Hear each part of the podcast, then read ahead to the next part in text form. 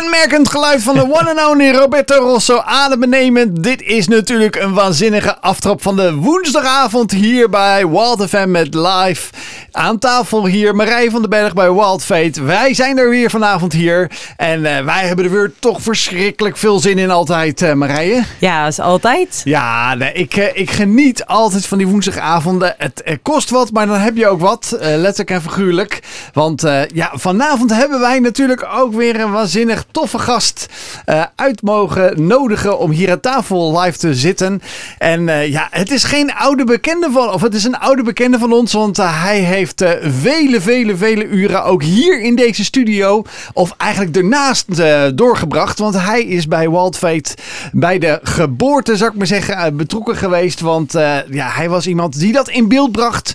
Hij rijdt meer kilometers dan wie dan ook die ik ken, heel Europa door. Hij houdt van, ja, van mensen, hij houdt ervan om graag ook de Bijbel, waar we bij Wild vaak over praten, open te openen, daarover te vertellen. Dus ik ben heel benieuwd in het tweede uur wat hij gaat uh, delen in de tijdmachine. Ja, het is niemand minder dan Jeroen Elverink. Jeroen, leuk dat je er bent vanavond. Ah, dankjewel, uh, fijn om hier te zijn. Dank voor de uitnodiging. Ja, ik vind het zo waanzinnig gaaf, want vanavond ga jij ook uh, eigenlijk voor het eerst niet uh, achter de microfoon, maar voor de microfoon je verhaal delen. Ja, dat is wel heel bijzonder. Ik ben eigenlijk nog nooit geïnterviewd, dus wat dat betreft een primeur natuurlijk. Oh, wauw. ja, ik vind het wel heel tof, Marije, dat wij die primeur hebben voor, voor Wild Fate hier van Jeroen, want ondertussen reist hij, reist hij, hij heeft al de wereld over gereisd, ook uh, met zijn werk, mm. uh, zijn organisatie ja. United Seven, waar hij heel veel dingen op film heeft vastgelegd. Ondertussen een switch heeft meegemaakt in zijn eigen leven, dat hij eigenlijk veel meer deelt over wat er in zijn eigen leven gebeurt, dus in de kracht van God, zoals we dat zo ja. mooi zeggen. En dan opeens hier vanavond bij ons zit. Ik vind het ook tof dat hij gelukkig het door al het gereis tijd heeft kunnen maken. Dus ik ben heel benieuwd, Jeroen, wat jij ons vanavond gaat vertellen vertellen. Ja, ik ook. Ja, maar voordat we daaraan beginnen, hebben wij altijd eventjes de aftrap van de uitzending van Wild Fate. Wild Fate geluksmoment. Ja, dat geluksmomentje. Marije, vertel, ja, vertel. Je staat weer te stralen. Ja, dus ja, ja, ja. vast weer een heel leuk iets. Ik ben heel benieuwd. Ja, soms heb je van die tijden dat je gewoon echt super druk bent met van alles en nog wat wat je werk van je vraagt of privé. En van de week dacht ik op een gegeven moment van het is wel even genoeg. Ik ga lekker naar buiten. Maakt niet uit wat voor weersomstandigheden het zijn.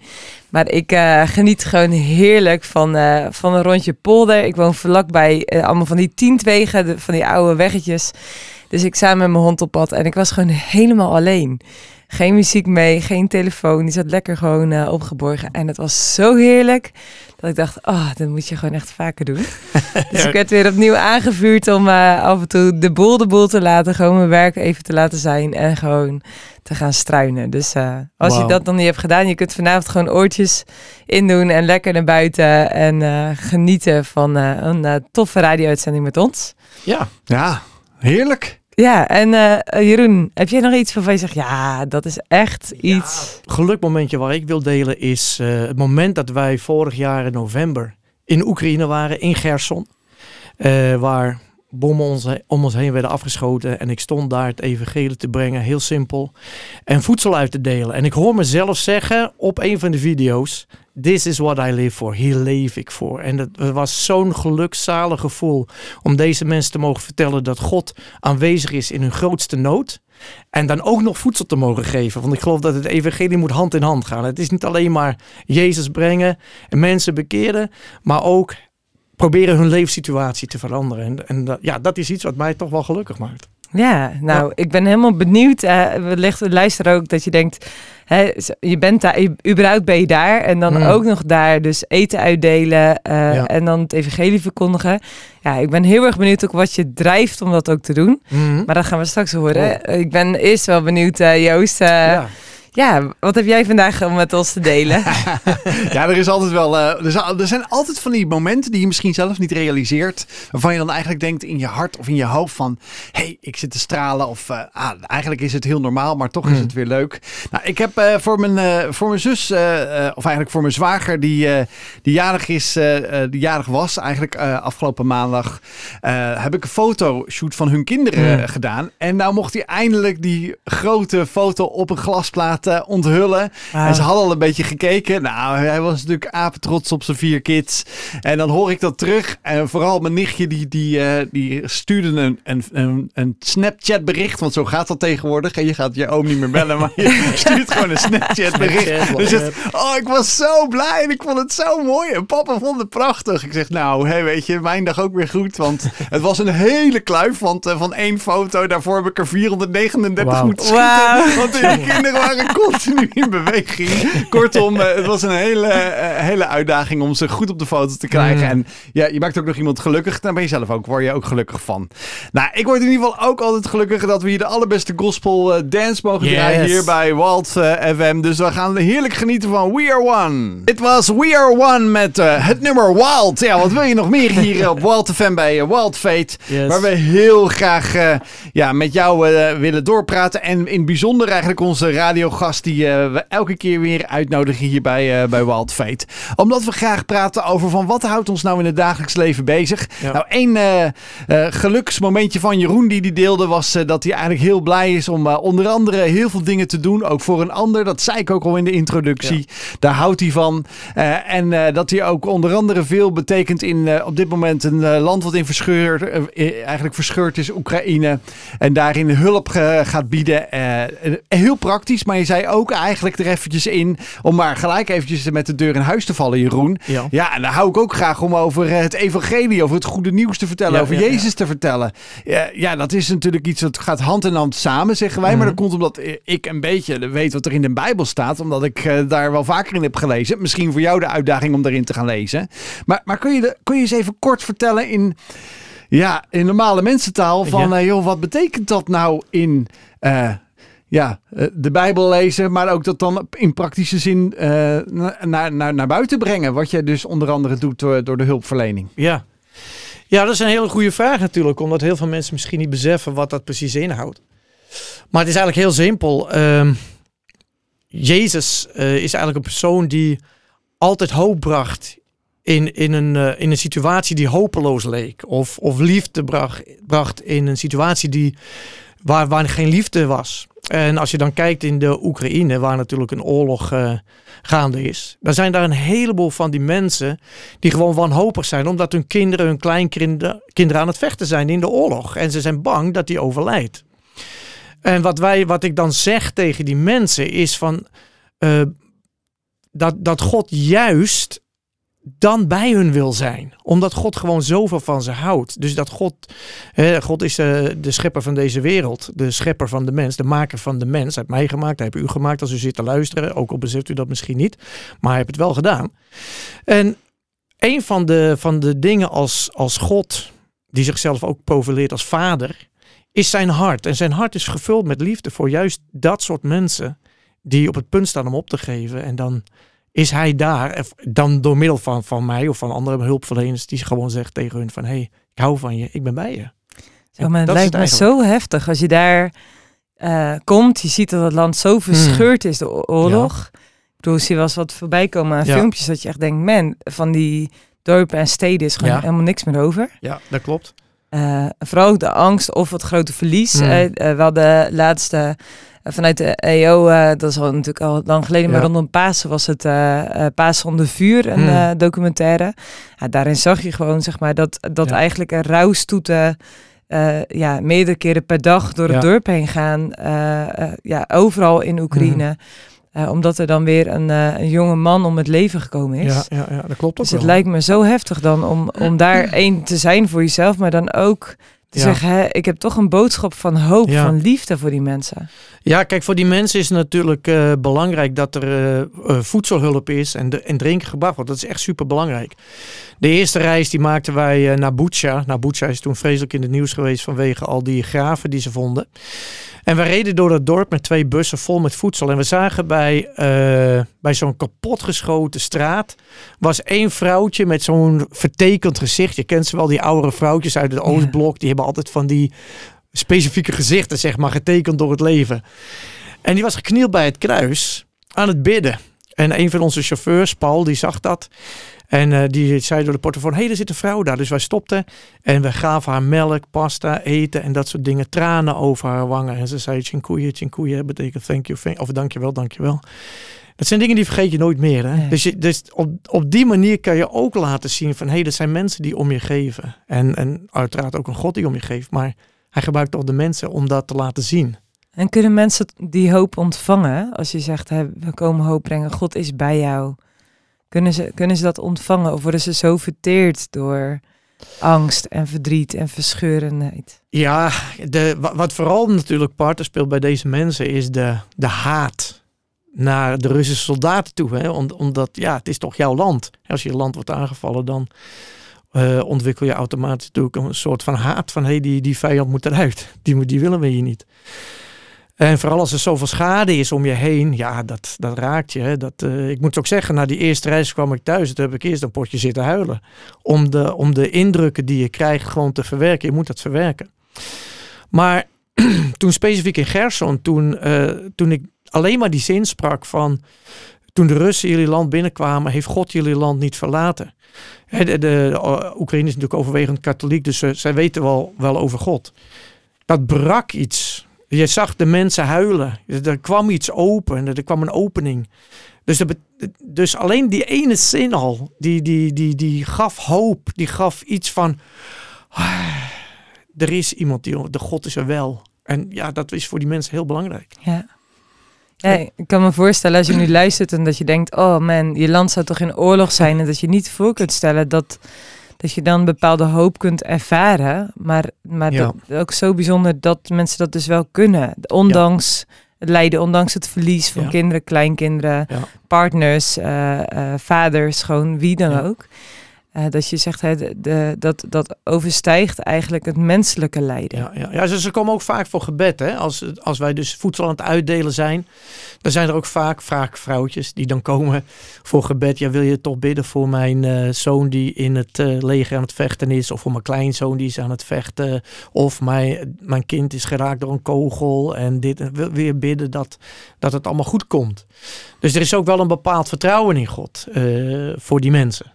En, en wat ik wel heel eh, eh, ja, bijzonder vind eigenlijk, Jeroen. Je, je spreekt natuurlijk eigenlijk over ehm, eh, ja, de, de omstandigheden. Je komt ook ergens in de buurt van de grote stad die wij misschien op de tv in, in puin zien liggen. Ja. Maar jij komt eigenlijk nog veel verder Ja. daar, daar vandaan. Wat dus mensen ook vaak niet zien. Dus je komt op Mm. het platteland, zou ik maar Ja. zeggen.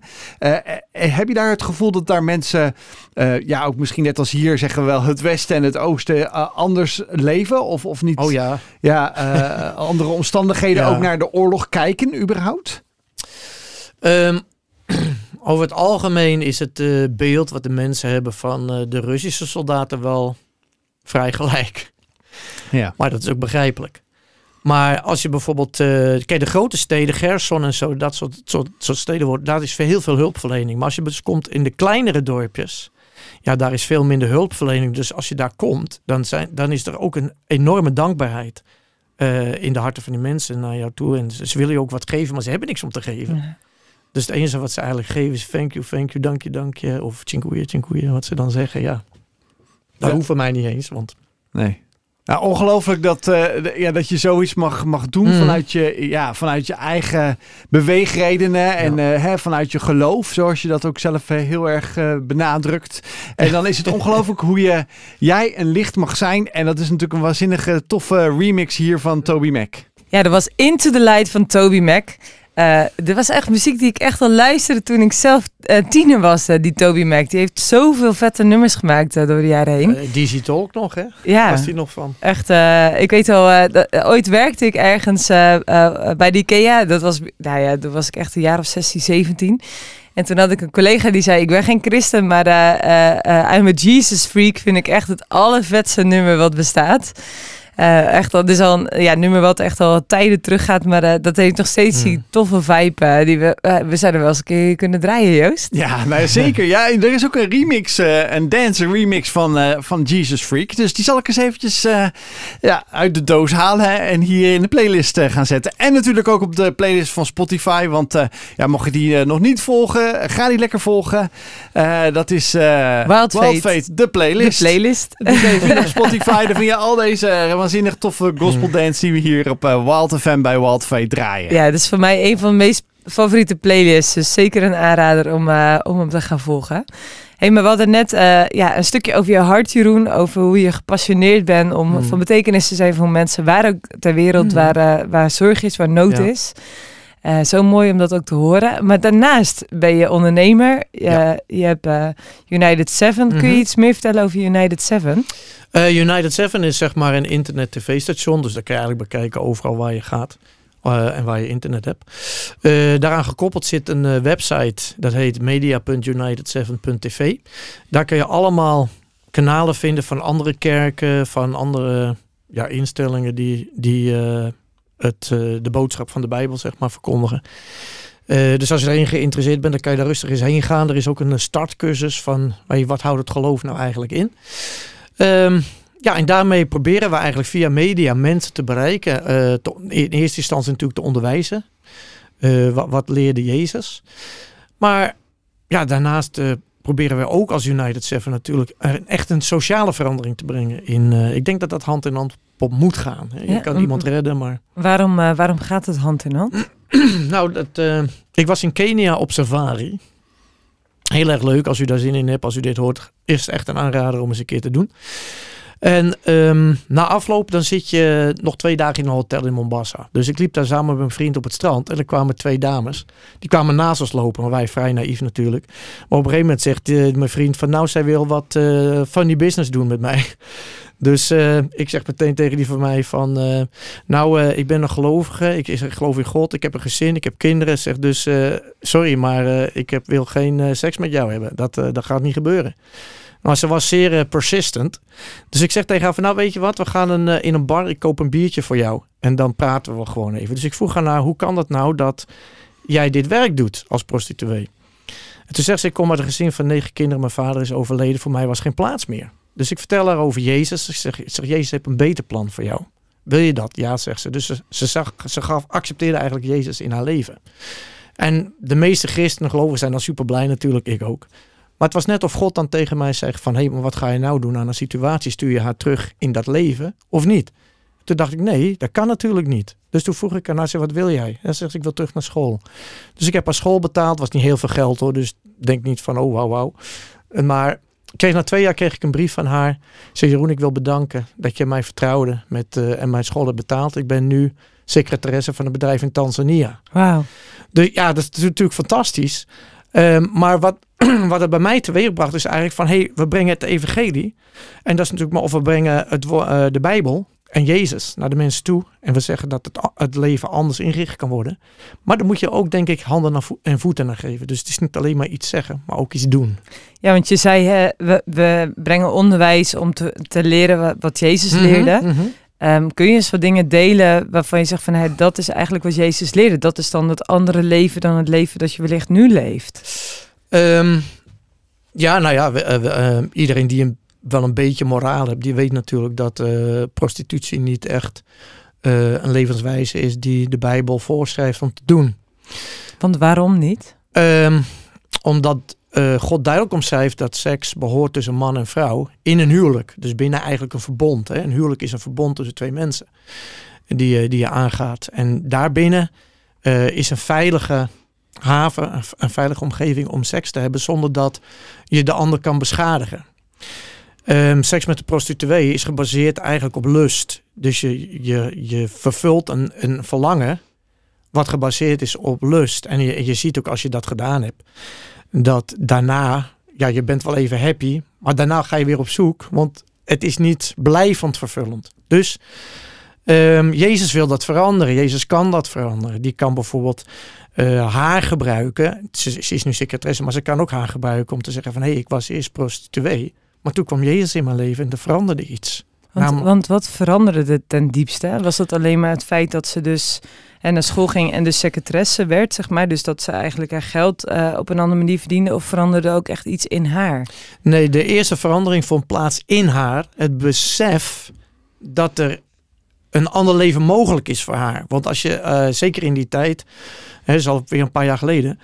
Maar in- zeker als je in zo'n omgeving zit van, eh, eh, van prostitutie, dan ga je op een gegeven moment ook al- alleen maar denken: dit is het.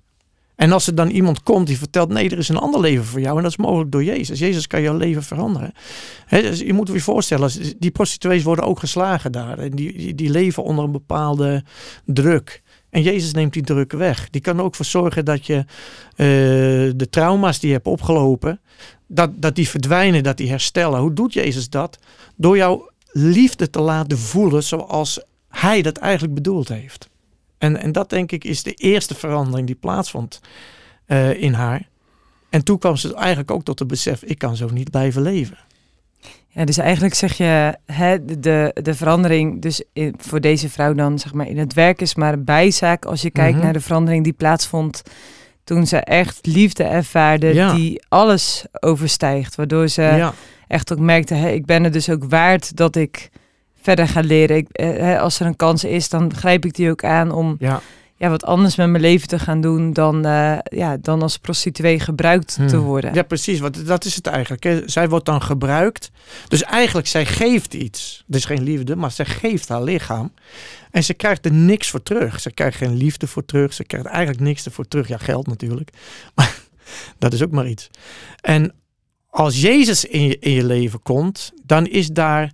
Dan geeft Jezus wat aan jou. Dus Jezus geeft in dit geval iets aan haar. En ik denk het kostbaarste is toch de liefde echt ervaren.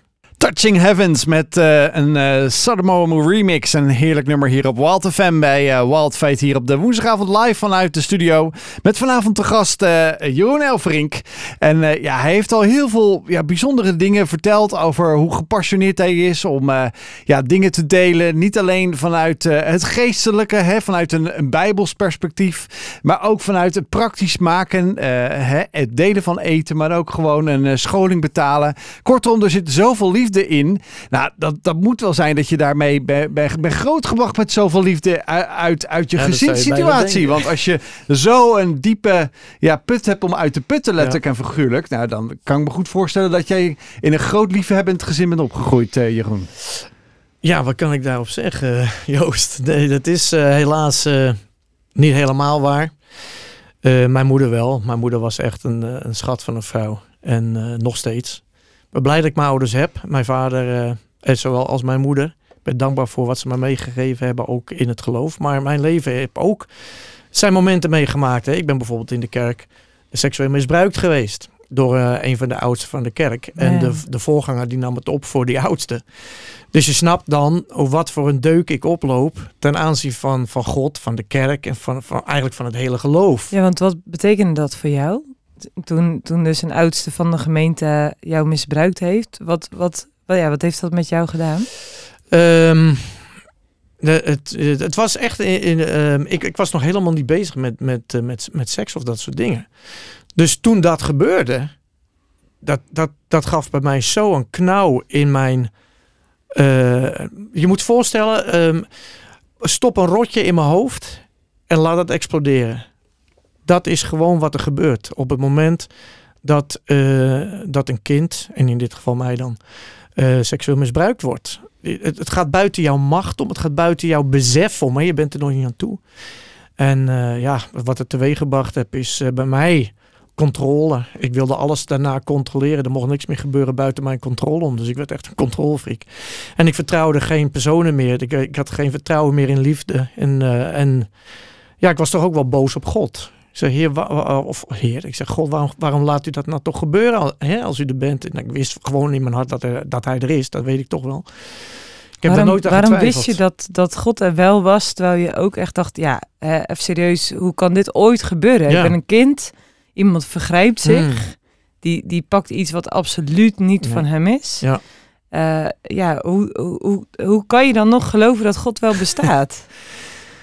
Ja, dat is zo'n tegenstelling eigenlijk. Hè? Geloven dat God bestaat en dan toch zoiets persoonlijks meemaken. Dat, ik heb daar ook heel veel moeite mee gehad om, om te zoeken naar een antwoord. Uh, hey, mijn hart was altijd, God, u bent er, maar waarom is dit nou met mijn leven gebeurd? Ik snapte het niet, kon het niet begrijpen. En ehm, mijn leven ging vandaan, vandaan ook, ook naar beneden. Ik deed wel, wel of alles goed ging en alles leuk was. En ik probeerde diep in mij de gevoelens te, te begraven. Maar je kan zoiets niet begraven. Dat komt vroeg of laat komt er naar buiten. En uh, toen ik ook uh, trouwde met een uh, hele lieve vrouw. Echt fantastische vrouw. zij kwam met liefde in mijn leven. En ik kon die liefde dus niet vertrouwen. Ik dacht, hé, hey, er is een addertje onder het gras. straks dan valt het weg. Of ze misbruikt me. Of... of er gaat iets gebeuren waardoor het kapot gaat en waardoor ik het niet meer heb. Dus ik bouwde een achterdeurtje altijd in van, om te kunnen ontsnappen, om niet meer dat te voelen wat ik toen gevoeld had in, in mijn kinderjaren. En uiteindelijk is dat geresulteerd, dus mijn houding eigenlijk is, heeft geresulteerd in een scheiding wat... Uh, ja, dat, dat is heel erg. Waar zij doorheen gegaan is en doorheen wilde gaan eigenlijk, want zij koos daar echt voor was, uh, was verschrikkelijk. Ja. Ik heb haar letterlijk door een hel laten gaan door verbaal geweld, door agressief, agressiviteit te tonen in mijn houding. En uh, ja, dat is, uh, doet mij nog pijn. Als ik daaraan denk, doet het me nog pijn. Ik had, ik had dat nooit willen doen, maar ja. Ja, eigenlijk was je een gebroken man. Ja, absoluut. Ik was helemaal kapot.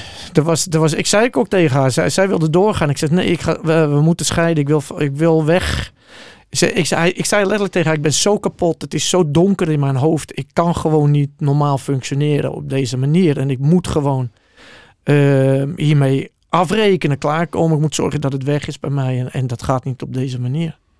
En je noemde eerder al, hè, het is als, als het ware alsof dat er een rotje in mijn hoofd geëxplodeerd was. Was het ook zo dat je ja, ook gewoon echt verward was? Dat je, dat, dat, dat je het eigenlijk niet rond bedacht kreeg wat er daarna gebeurd was? Of wat, wat is die chaos dan die er in je hoofd was, die donkerte?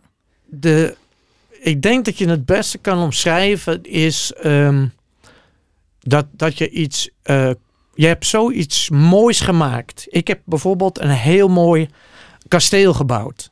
En mijn broertje komt en die trapt dat kasteel kapot.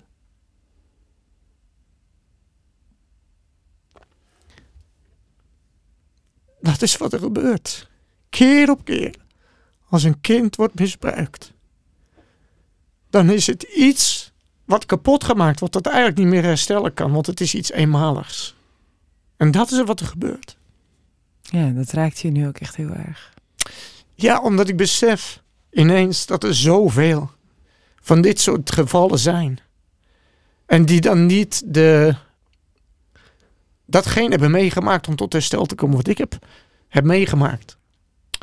En dan, dan, drijf, dan is er iets in jou, ik wil dat laten zien, ik wil dat vertellen. Ik wil zeggen tegen die kinderen, of misschien is jij wat te luisteren in je auto en heb jij dit meegemaakt en je hebt het nooit verteld aan iemand. Ik heb die, die mensen ontmoet die zeggen, omdat jij dit vertelt, ik kan het nu voor het eerst vertellen. En dan kunnen we delen, we kunnen samen huilen. Maar als jij zit te luisteren en jij hebt dit meegemaakt, een diepe graven, en je, je snapt gewoon niet waarom je leven is zoals het is, dan is daar waarschijnlijk een oorzaak.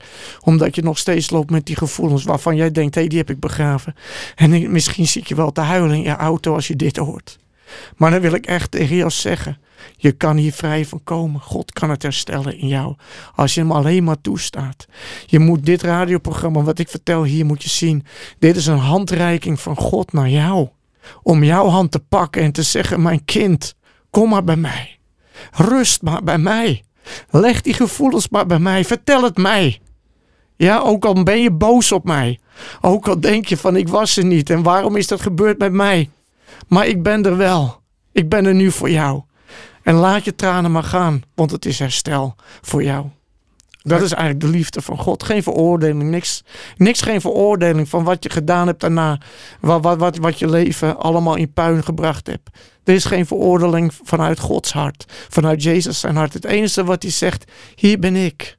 Pak mijn hand maar. Want ik hou van jou. Ongeacht wie je bent, ik hou van jou. Dat is zo bijzonder. En wij willen dat zo gauw wegstoppen. We willen eigenlijk af van die God. De wereld wil niet meer zo te maken hebben met die God.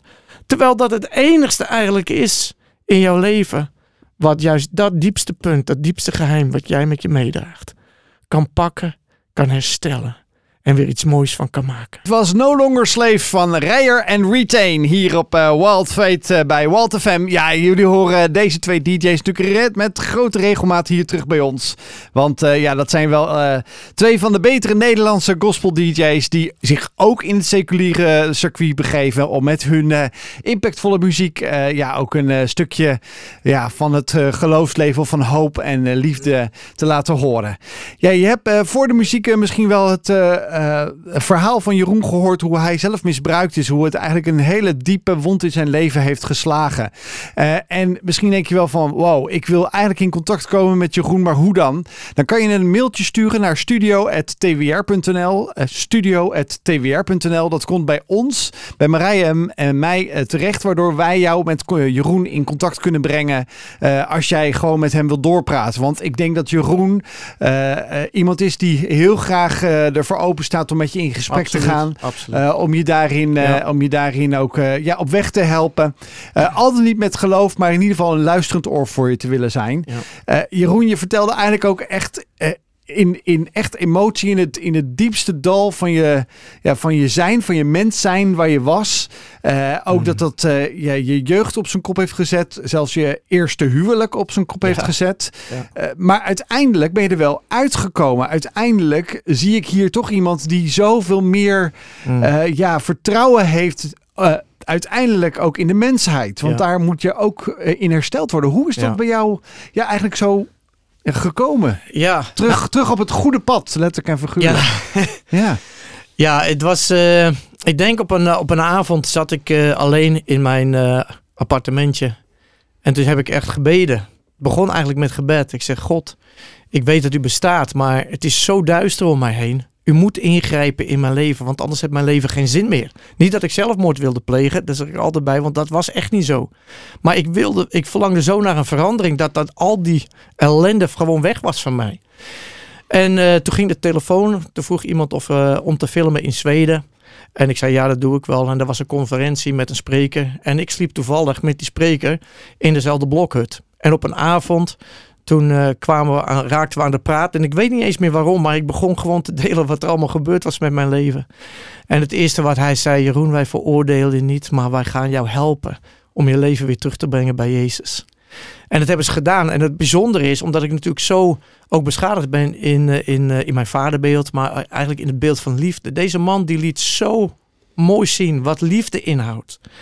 En hij was echt een vader voor mij. Dus langzamerhand uh, herstelde eigenlijk die gevoelens van wantrouwen en van, van controle maar uit willen oefenen.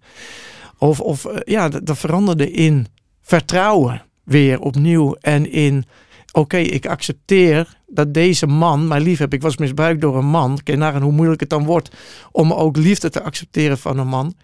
En, en te zien dat daar niks um, anders in zit dan alleen maar liefde geven en niks van je willen pakken. Ja, dus er zat geen addertje on het gras. Precies. Het was betrouwbare liefde. Precies, precies. En, en ook uh, mijn huidige vrouw heeft daar een hele grote rol in gespeeld. Uh, met haar liefde. Ik, heb, ik ben hertrouwd. En uh, dankzij God weer een hele nieuwe, een, een nieuwe vrouw. En ook weer zo'n liefdevolle vrouw. En dat liefde herstelt toch heel veel in, in een mensenleven als je het maar toe durft te laten. Ja, dus dankjewel uh, Jeroen voor het delen van, uh, van je indrukwekkende levensverhaal Mm. over liefde, over hoop. Ja, Uh, ik snap ook echt in alles waar we mee begonnen dat je zei, ja, ik wil juist naar de plekken toe waar geen hoop is, ja om daar hoop te brengen. Ja. Je bent zelf ook in die donkerte geweest waar geen hoop was. precies. En uh, het is zo mooi ook uh, dat je dat ook uit wil delen. Ja, wij gaan er uh, tussenuit voor de plichtplegingen. we zijn straks weer bij je terug. Met een vol uur nog met Jeroen aan tafel. Dus ja, ga op het puntje voor je stoel zitten. Hij heeft zeker te weten echt nog veel meer te vertellen. En ja, we zijn straks je terug. Fire Blazing in Our Hearts van Capital Kings. Hier de openingstrack van uh, Wild Fate, de tweede uur. Ja, op uh, Wild FM natuurlijk. En ja, wij hebben er verschrikkelijk veel zin in om weer verder in gesprek te gaan met Jeroen Elverink. Want ja, hij deelde echt vanuit zijn hart, vanuit zijn emotie, vanuit zijn verleden, waar veel pijn was, maar ook gewoon waar veel herstel gekomen is. Wat hij zelf ook zei. in het bijzonder hoe God daar ook mensen op zijn pad heeft gebracht. Hmm. En dat uh, hoor je hier natuurlijk eigenlijk elke week. Hoe bijzonder uh, daarin ja, God voorziet in mensen. En dat dat altijd op zijn tijd is en op zijn timing is. Hij deelde ook echt iets heel dieps over het misbruik in zijn jeugd. En daarin hadden wij ook een e-mailadres genoemd. Dat is studio.twr.nl. Dat is een e-mailadres wat alleen bij Marije en mij binnenkomt. En dan kunnen wij jou in contact brengen met Jeroen. Als jij daarover wil ja, praten, als je daarover wilt delen, als je daar iets over wil zeggen, dan kunnen wij jou met Jeroen in contact brengen. Dat is geen enkel probleem om Jeroen daarin te betrekken. Hij zegt ik wil graag daarin luisterend oor zijn en kijken wat ik ook voor de mensen kan en wil betekenen. Want daarin merkt hij zelf ook dat ja, ook God hem daarin hersteld heeft. Hè, dat hij daar dat herstel heeft ervaren, ook vanuit ja, deze ehm, ja, bijzondere momenten die hij, die ontmoetingen met God, die heeft hij gehad. Mm. Dus studio.twr.nl. Schroom vooral niet en mail uh, naar ons. En natuurlijk het tweede uur bij Wild FM hier uh, bij Wild Fate. Je weet het als geen ander waarschijnlijk. We gaan tijdmachine en met niemand minder dan Jeroen Jeroen, de Bijbel gaat open en wij zijn heel benieuwd waar jij ons en welk verhaal je ons gaat meenemen. Ik weet het nog goed. Ik stond op. Zonnige dag en ik liep de straat op naar het centrum van het stadje waar ik toen woonde. En er was een hele grote menigte en ik zag een man in het midden staan. En ik, ik kende die man, want ik had wel eens van hem gehoord. En zijn naam is Jezus. En de menigte om hem heen, die keken allemaal naar Jezus, maar ik begreep nooit zo goed waarom. Maar er was een moment dat Jezus rechtstreeks in mijn ogen keek. En die 1, 2 seconden dat hij keek naar mij was net of alles in mijn leven blootgelegd werd en op dezelfde tijd hij alles bedekte. Dat was zo mooi. En terwijl ik daar stond, zag ik een man door de menigte rennen richting Jezus. En hij was bij Jezus aangekomen. En ik kende die man, want die man was een van de leiders van de synagoges. En ik denk bij mij, waarom is hij bij Jezus? Want hij is een van de fariseeën van, die daar werkzaam zijn. Die spreken kwaad van Jezus, die roddelen over hem, die willen hem het liefst kwijt. Dus wat moet hij nou van Jezus? En ik zag hem neervallen op de grond en Jezus smeken om naar zijn huis te komen, omdat zijn dochtertje op sterven lag. En ik dacht bij mij, wauw, volgens mij ziet die man geen andere uitweg meer als alleen Jezus. Hij was een rijke man, dus hij kon doktoren betalen en toch gaat hij naar Jezus. En Jezus zegt, ja, kom maar mee. Ik ga met jou mee naar jouw huis. En ze gingen op weg, maar ondertussen zag ik een andere vrouw. En die vrouw kende ik ook. Zij woonde in, in een huis en ze mocht eigenlijk het huis niet uit. Want ze was een onrein verklaarde door de Sadduceese fariseeërs. Omdat er altijd maar bloed uit haar kwam. En dat was niet rein. Ze was altijd maar bezig met menstrueren. En ik zag haar sluipen naar Jezus en ze pakte het kleed de, van, van Jezus aan. En Jezus stopte hele menigte. En ik zag het gezicht van Jairus ineens van... Oh, waarom stoppen we nou mijn dochtertje? En, en er was een soort paniek bij hem. Maar Jezus die nam de tijd en die zegt... Hé, hey, wie raakt mij aan? Want ik voelde iets uit mij vloeien. Ik voelde kracht van mij vandaan gaan. En ik hoorde Jezus die vraag stellen. En die vrouw, die zag, zat een beetje ineengedoken. Maar ze kwam toch overeind en ze zei met een bibberende stem... Ik Jezus, ik Jezus was het. En dan zegt Jezus die woorden: Dochter, dochter, jij bent genezen en hersteld. Ga in vrede. Ik vond het zo mooi dat Jezus dat zei. En ondertussen, toen ik verbaasd was over hetgeen wat er allemaal gebeurde. En al die mensen die eromheen stonden en meegingen met Jezus naar het huis van Jairus. En ik denk, ik loop er snel achteraan, want misschien gaat er nog wel wat gebeuren. Ik had die middag toch niks te doen. En we kwamen aan bij het huis van Jairus en zoals gebruikelijk... Nee, sorry, ik vergeet een heel belangrijk iets. We kwamen niet aan bij het huis van Jairus. Bij die vrouw, toen die vrouw genezen werd... Toen kwamen er ineens twee mannen aangelopen vanuit het huis van Jairus. En die zeiden van Jairus, stop maar. praat maar niet meer met, met Jezus. Je hebt hem niet meer nodig. Je dochtertje is al dood. Het is te laat. En ik zag de tranen springen in het ogen van Jairus. Wat een moment. Maar voordat Jairus kon reageren, draaide Jezus zich naar Jairus. Hij keek hem diep in de ogen. En hij zei met zoveel liefde in zijn stem: Wees niet bang, Jairus. Geloof alleen. En ik zag het, het, de hoop terugkomen in het gezicht van Jairus. En samen liepen ze verder naar het huis. En toen ze daar kwamen waren er allemaal vrouwen aan het janken en, en aan het roepen. En, en met die tongen, je, hoort ze nog wel eens in bepaalde geloven. En je huilen. En Jezus zegt, waarom huilen jullie hier? En ze begonnen te lachen, een beetje Jezus uit te lachen. Hoezo huilen we hier? Uh, weet je dan niet dat het dochtertje van Jairus gestorven is? En Jezus zegt, nee, zij is niet gestorven. Maar zij, zij slaapt alleen.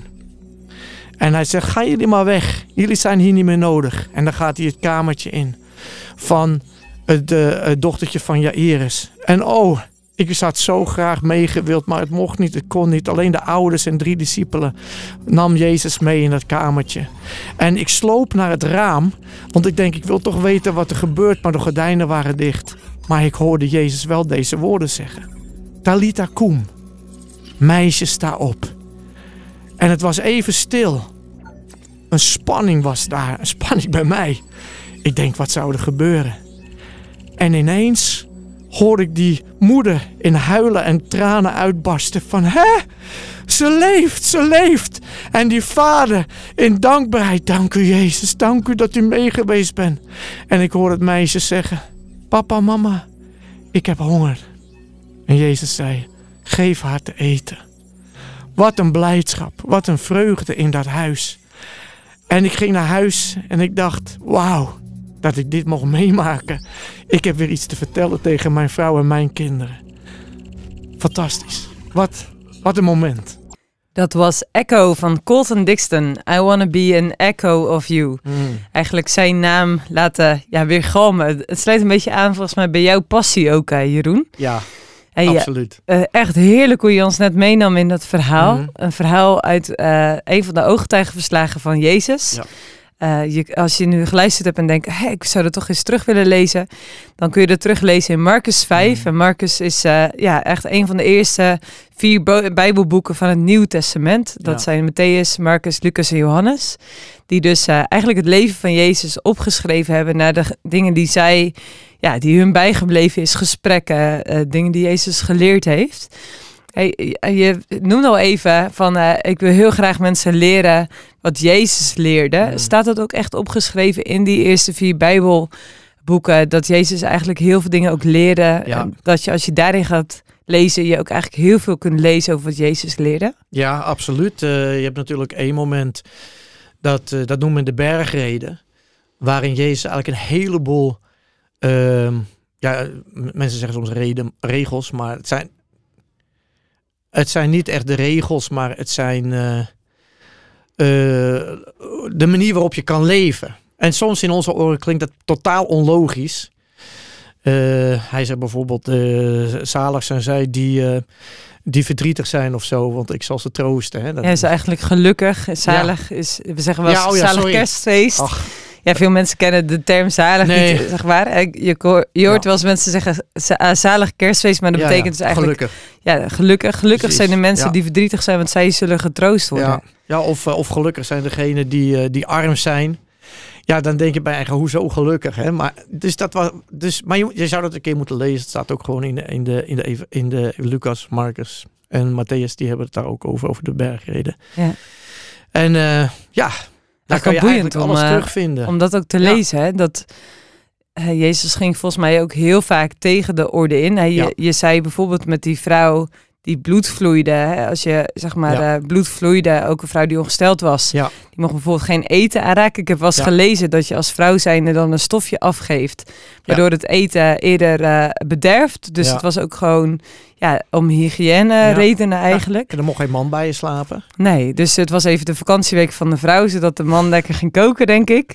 Ehm, maar dat was als je dus iets van een vleesboom had of wat voor aandoening Ja. dan ook, dat je bleef vloeien. Dan was je eigenlijk geïsoleerd van de maatschappij. Ja, absoluut. Waarom koos je juist ook dit verhaal, eh, wat je wilde delen met ons en de luisteraar? Maar het mooiste vind ik eh, van, eh, van, van, om te beginnen bij die bloedvoerende vrouw, is dat zij niet alleen genezing ontvangt eh, van, van, van haar kwaal, van een ziekte, maar dat Jezus ook specifiek eh, een moment neemt om haar aan te spreken en om te zeggen, dochter. Ik vind dat, dat zo mooi dat hij zegt dochter. Want zij was natuurlijk niemand. En niets, en, en ze mocht met geen mens contact hebben. Dus er werd op haar neergekeken, want ze was onrein. Ze zal wel gestraft worden om, om iets wat zij gedaan heeft. Hè? Dat was die, die, die gedachten die de mensen hadden. Dus ze hebben het verdiend. Ja, dus daarom ziek was. Precies, Dus waarom dat- ze ziek was. Ja, precies. Ja, of dat haar ouders iets verkeerd Ja, gedaan of haar zouden ouders hebben. hebben wat gedaan waardoor ze dit moet, eh, moet ondergaan. En mensen keken op haar neer. En dan noemt Jezus haar eigenlijk dochter. En ik geloof dat Jezus bedoelde dochter van de Allerhoogste God. Dus hij herstelt haar van zo'n lage positie eigenlijk meteen naar zo'n hoge positie.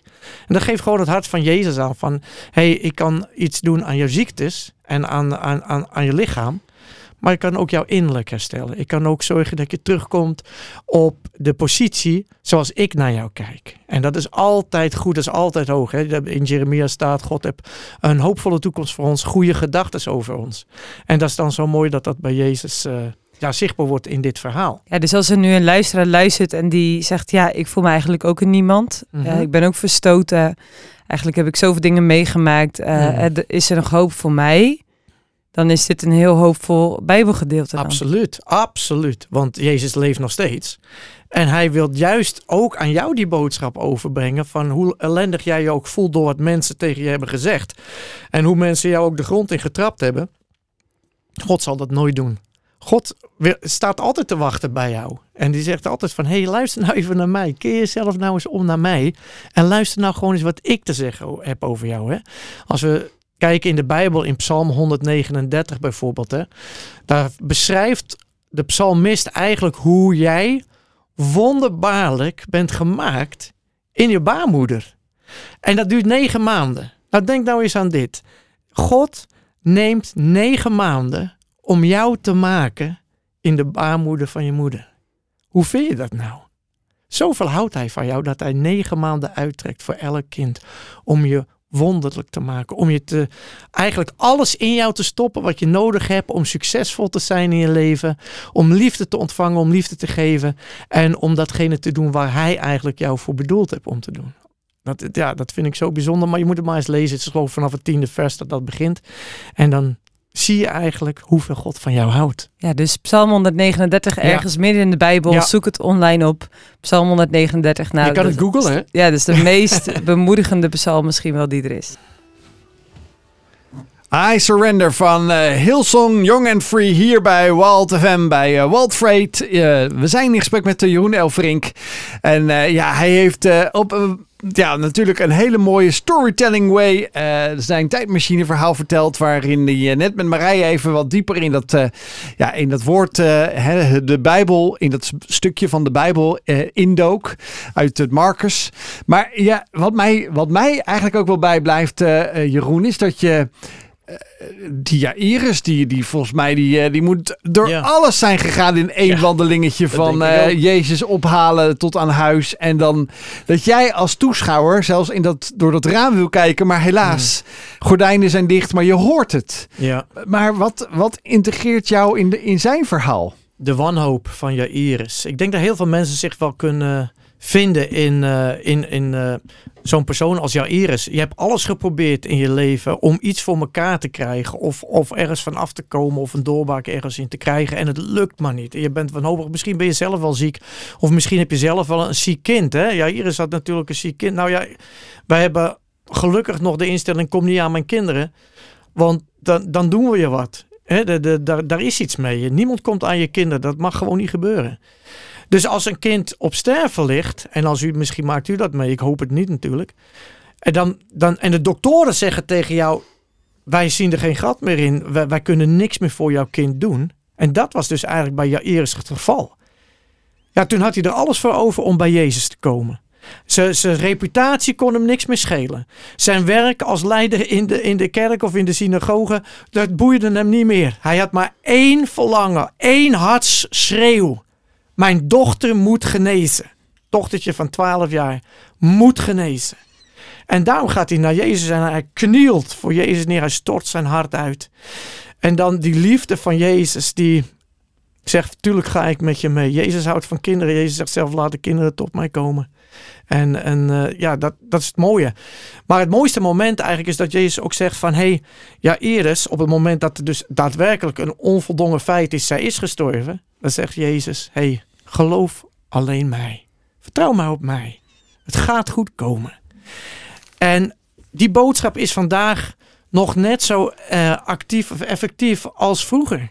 He, Jezus zegt nog steeds tegen jou als je zit te luisteren... je zit in een hopeloze situatie. hey, don't worry. Be happy zou ik bijna zeggen. Maar het, het gaat goed komen. Maar vertrouw mij nou. Vraag het nou aan mij. Stort je hart maar uit aan mij. Vraag wat je wil van mij. En ik ga jou helpen. Ik ga ervoor zorgen dat jouw kind wel geneest. Of ik ga ervoor zorgen dat de hopeloze situatie omkeert. Dat er een, een doorbraak in komt. Misschien zit je wel in een, in een financieel hopeloze situatie. Dat kan natuurlijk ook. Hè. In deze tijd horen we vreselijke berichten over de voedselbank en de, en de rijen daarvoor. En, en mensen die hun rekeningen niet kunnen betalen. En ook dan zegt Jezus: hey, kom nou bij mij. Je bent wanhopig. Kom naar mij. Ja. Ik kan je helpen. Ik wil je helpen. Misschien is wel het allermoeilijkste voor ons men, als mens zijn dat je moet erkennen, het lukt mezelf dus niet meer. Ja. En ik heb hulp nodig. In plaats van dat je dus zelf regie hebt en zelf dus de controle. Hè. Je vertelde in het eerste uur al, hey, door, mijn, door de pijn eigenlijk in mijn hart wilde ik dingen alleen maar controleren, mm. zodat ik regie had. Nou, ik denk dat we dat allemaal herkennen als mens. Dat we allemaal heel graag willen weten, zolang, zolang ik zelf met de touwtjes in handen hebben. Juist. En jij nodigt eigenlijk uit van, hè, je mag God vertrouwen, je mag Jezus vertrouwen. Ja. Met dat, datgene wat eigenlijk het ja. meest belangrijk is in je leven. Datgene wat het meest ja, aan je hart ligt. Ja, ja. Ja, Hoe dan? Ja. Maar het komt ook vaak voort omdat mensen vaak zeggen tegen je van ja, geloof is voor zwakkelingen, weet je wel. Dat is zo vaak gezegd, dus dat is ook wel iets wat, wat mensen dan denken. Dus ik moet het zelf maar doen, ik moet het zelf maar oplossen. Dat geeft een bepaalde kracht in jou. Maar ik denk juist het hulpvragen van, van mensen, of in dit geval van Jezus, ja, dat, dat is denk ik meer tonen van kracht, omdat je namelijk al die andere mensen die anders zeggen tegen jou, die laat je eigenlijk achter. En daar moet je ook een soort dapperheid voor hebben om dat te doen, want dan krijg je ongeheid ook weer kritiek op. Maar goed, je komt in zo'n wanhopige situatie terecht dat je eigenlijk geen andere weg meer ziet. En sommige mensen die kiezen dan voor zelfmoord. Maar ik zou willen zeggen, probeer nou gewoon eerst eens Jezus. Waarom? Omdat als je zelfmoord pleegt, ben je al voor een voldongen feit. Dan, dan is het al afgelopen met je. Maar Jezus zegt, ik bied jou nog een tweede kans. En ik zou die kans met beide handen aan willen grijpen. En hoe kan je dan voor Jezus gaan? Hoe kun je dan je hulp bij Jezus zoeken hmm. als je hem wellicht nog helemaal niet kent? Als je vanavond nu luistert en ja. ja je denkt, ja, ik sta dus met mijn rug tegen de muur. Ik hmm. weet het gewoon niet meer. Ik zit in een situatie waarin ik me totaal machteloos voel. Hmm. Jij zegt, je moet bij Jezus zijn, maar hoe dan? Hoe kom ik dan bij Jezus? Ja, ik heb natuurlijk het geluk dat ik in een vrijgelovige uh, omgeving zit. Dus voor mij was het eigenlijk wel heel duidelijk. Maar ja, als u zit te luisteren en u hoort dit voor de eerste keer of u hebt wel eens gehoord over Jezus, maar u weet eigenlijk niet hoe je daar handen en voeten aan moet geven. Weet je, Jezus is, zeggen wij, geest. En als jij bent in je auto of je zit in een straatje of een café of je bent in je slaapkamer. Het enige wat je maar hoeft te doen is, is je hoeft niet eens te knielen of iets dergelijks. Dat zijn allemaal religieuze uitingen die niet eens nodig zijn. Maar je hart uitstorten naar Hem. Gewoon praten met Hem. Bidden is gewoon praten met Jezus. Vertel aan Hem alsof je tegen mij zou vertellen, of tegen je vrouw of tegen je kinderen.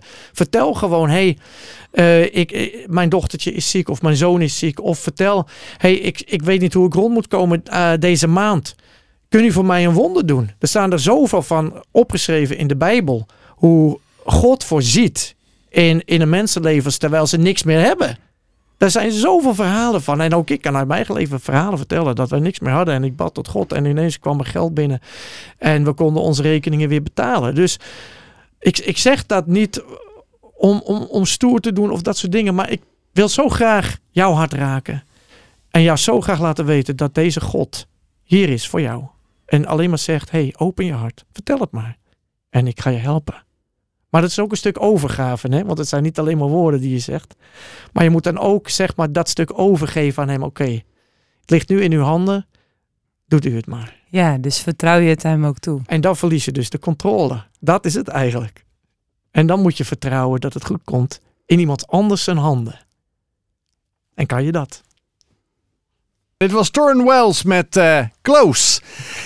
Ja, we gaan nog niet eh, dicht eh, vandaag, de toko hier bij Wild FM. We blijven nog lekker eventjes eh, in gesprek met eh, Jeroen Elfrink, eh, die hier vanavond bij ons te gast is.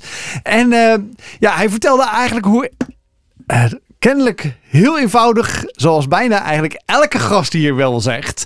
Het is om eigenlijk, eh, ja... eh, met God te kunnen praten. Om eigenlijk waar je ook bent, waar, wat je ook kan doen bent, om dat te onderbreken. En Hmm. eigenlijk te zeggen: Oké, eh, vanuit mijn hart, hè, vanuit mijn gedachten, maar dan moet je eigenlijk naar je hart toe gaan. Spreek ik ook dingen uit en eh, ja, dan komt misschien wel het meest moeilijk allemaal van elkaar. Want je moet niet verwachten dat er dan opeens ergens een parachuteje naar beneden komt met dat antwoord, met dat geld, met, eh, met dat eten.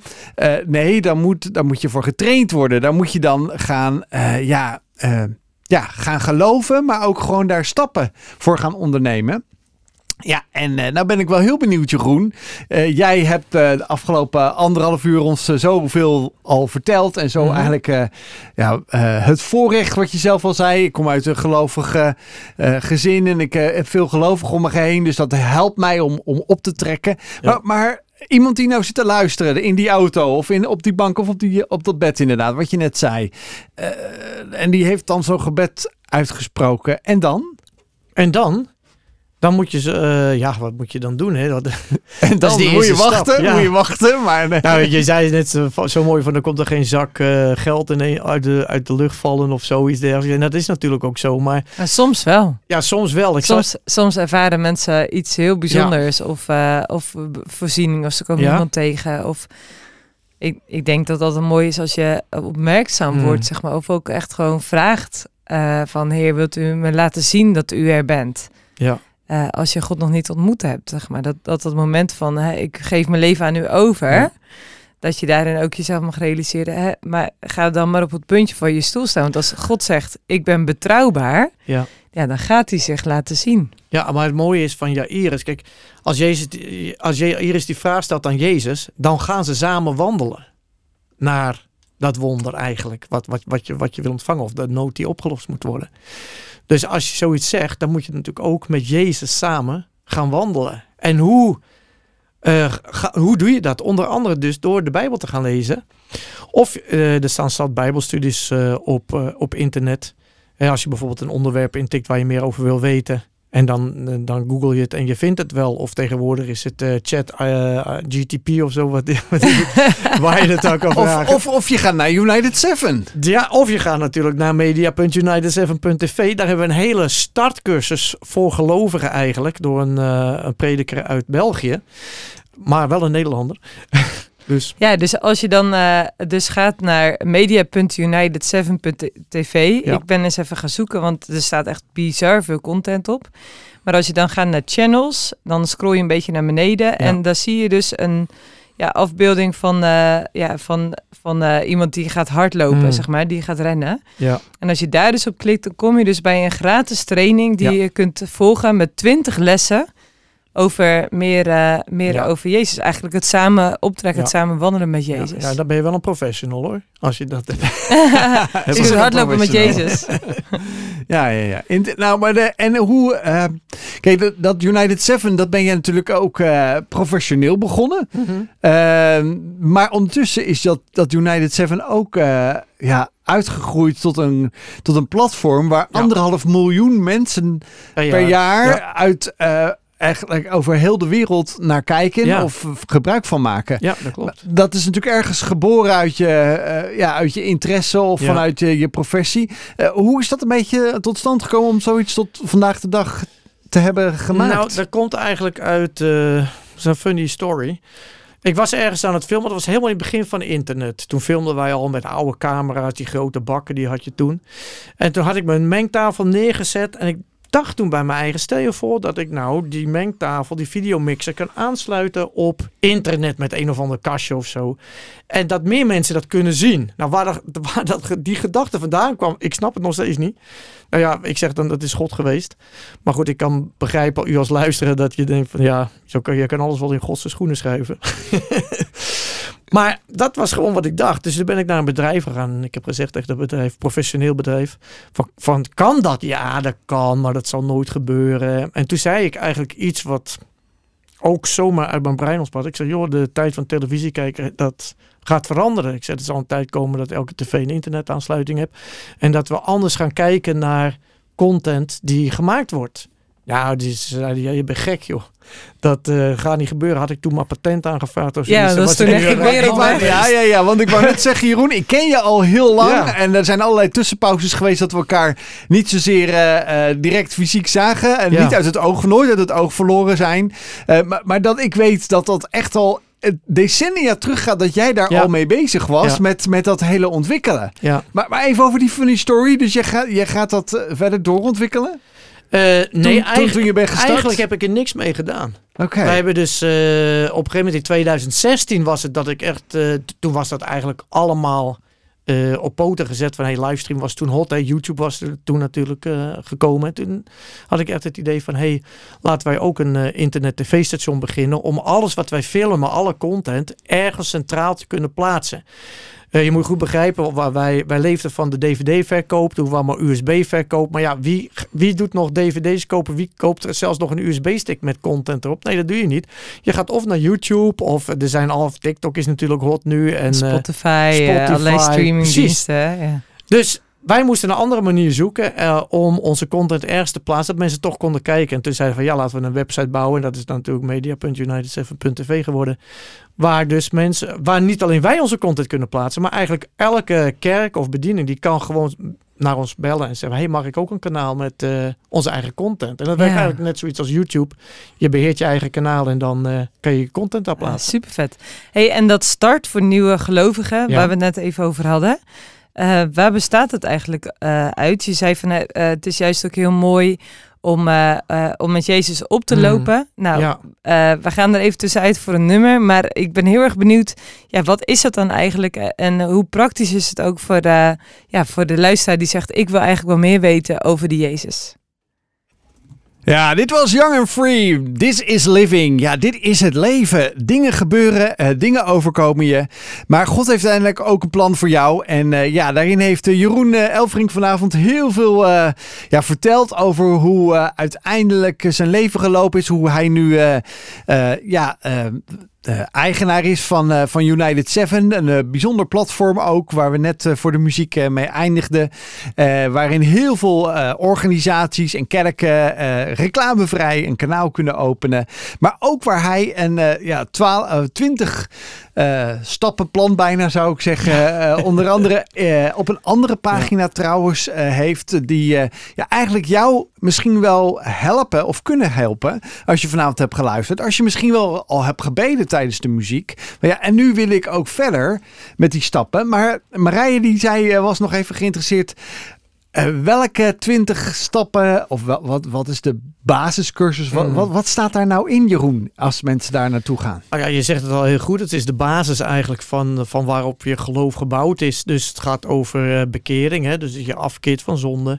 Maar je wordt ook uitgelegd wie is Jezus, wie is God, wie is de Heilige Geest nou eigenlijk en wat doen zij voor jou of wat, doen jij, wat ga jij doen voor hun of wat doen jullie samen, wat is de samenwerking tussen dat. Eh, de waterdoop, hè? dat is natuurlijk vanuit de traditionele kerk kennen heel veel mensen dat natuurlijk wel. Wat houdt dat precies in?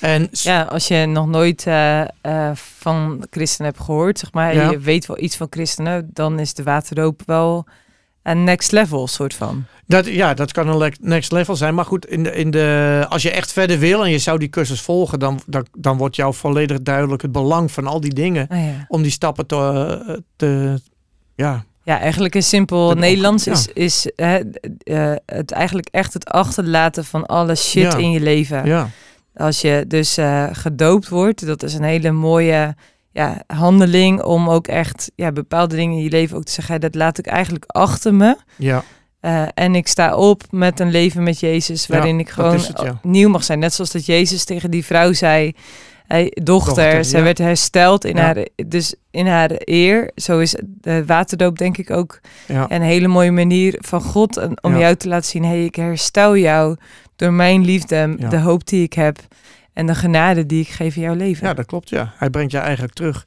naar eh, de originele staat eigenlijk. Zoals hij jou bedoeld heeft, zoals hij jou gemaakt heeft. Met daaraan hangt natuurlijk het plan wat hij al voor je leven heeft. Hè, want God heeft natuurlijk een bedoeling. Je bent hier niet zomaar. Hè. Veel mensen denken, maar waarom leef ik hier? Moet ik eten, drinken en dat soort dingen? Nee, dat is niet waar. God heeft jou hier op deze aarde gebracht met een plan, met een doel. Je bent er niet zomaar. Je bent waardevol, je bent kostbaar. En ja, juist jij bent nodig om bepaalde mensen te kunnen bereiken. Om bepaalde mensen te kunnen helpen. Dat heeft God allemaal al opgeschreven in zijn boek. Alleen het is aan jou of je het accepteert of niet. En deze cursus, die, die, of cursus, die, die gaat jou gewoon helpen om echt te begrijpen van hoe, hoe werkt dat dan? Hoe zit dat in elkaar? Hoe kan ik dan die herstel, die liefde ervaren? En hoe kan ik eigenlijk ook praten met God en dat hij terugpraat tot mij? Want dat is natuurlijk nog een stap verder. Ja. Maar het kan. Ja. Ik, ik maak het mee. Dus je kan praten met God en hij kan ook iets tegen jou zeggen. En dat is bijzonder. Het is eigenlijk eh, dat wat jij dus in Zweden ontving van die man die zei: hè, Ik ga jou terugbrengen naar het hart van God de Vader. Ja, Eh, is het eigenlijk is dit een online cursus Hmm. die je waar dan ook in Ja. de wereld kunt volgen. precies. Eh, zodat je ja, eigenlijk het hart van God ook voor jou, voor, voor jouw leven Ja. ook mag ontdekken. En wat het eigenlijk betekent om met Ja. Jezus te wandelen. Zeg maar, Ja, met God te wandelen. Ja, Ja. echt heel erg mooi. nou, we, we kunnen nog uren met je praten, Jeroen.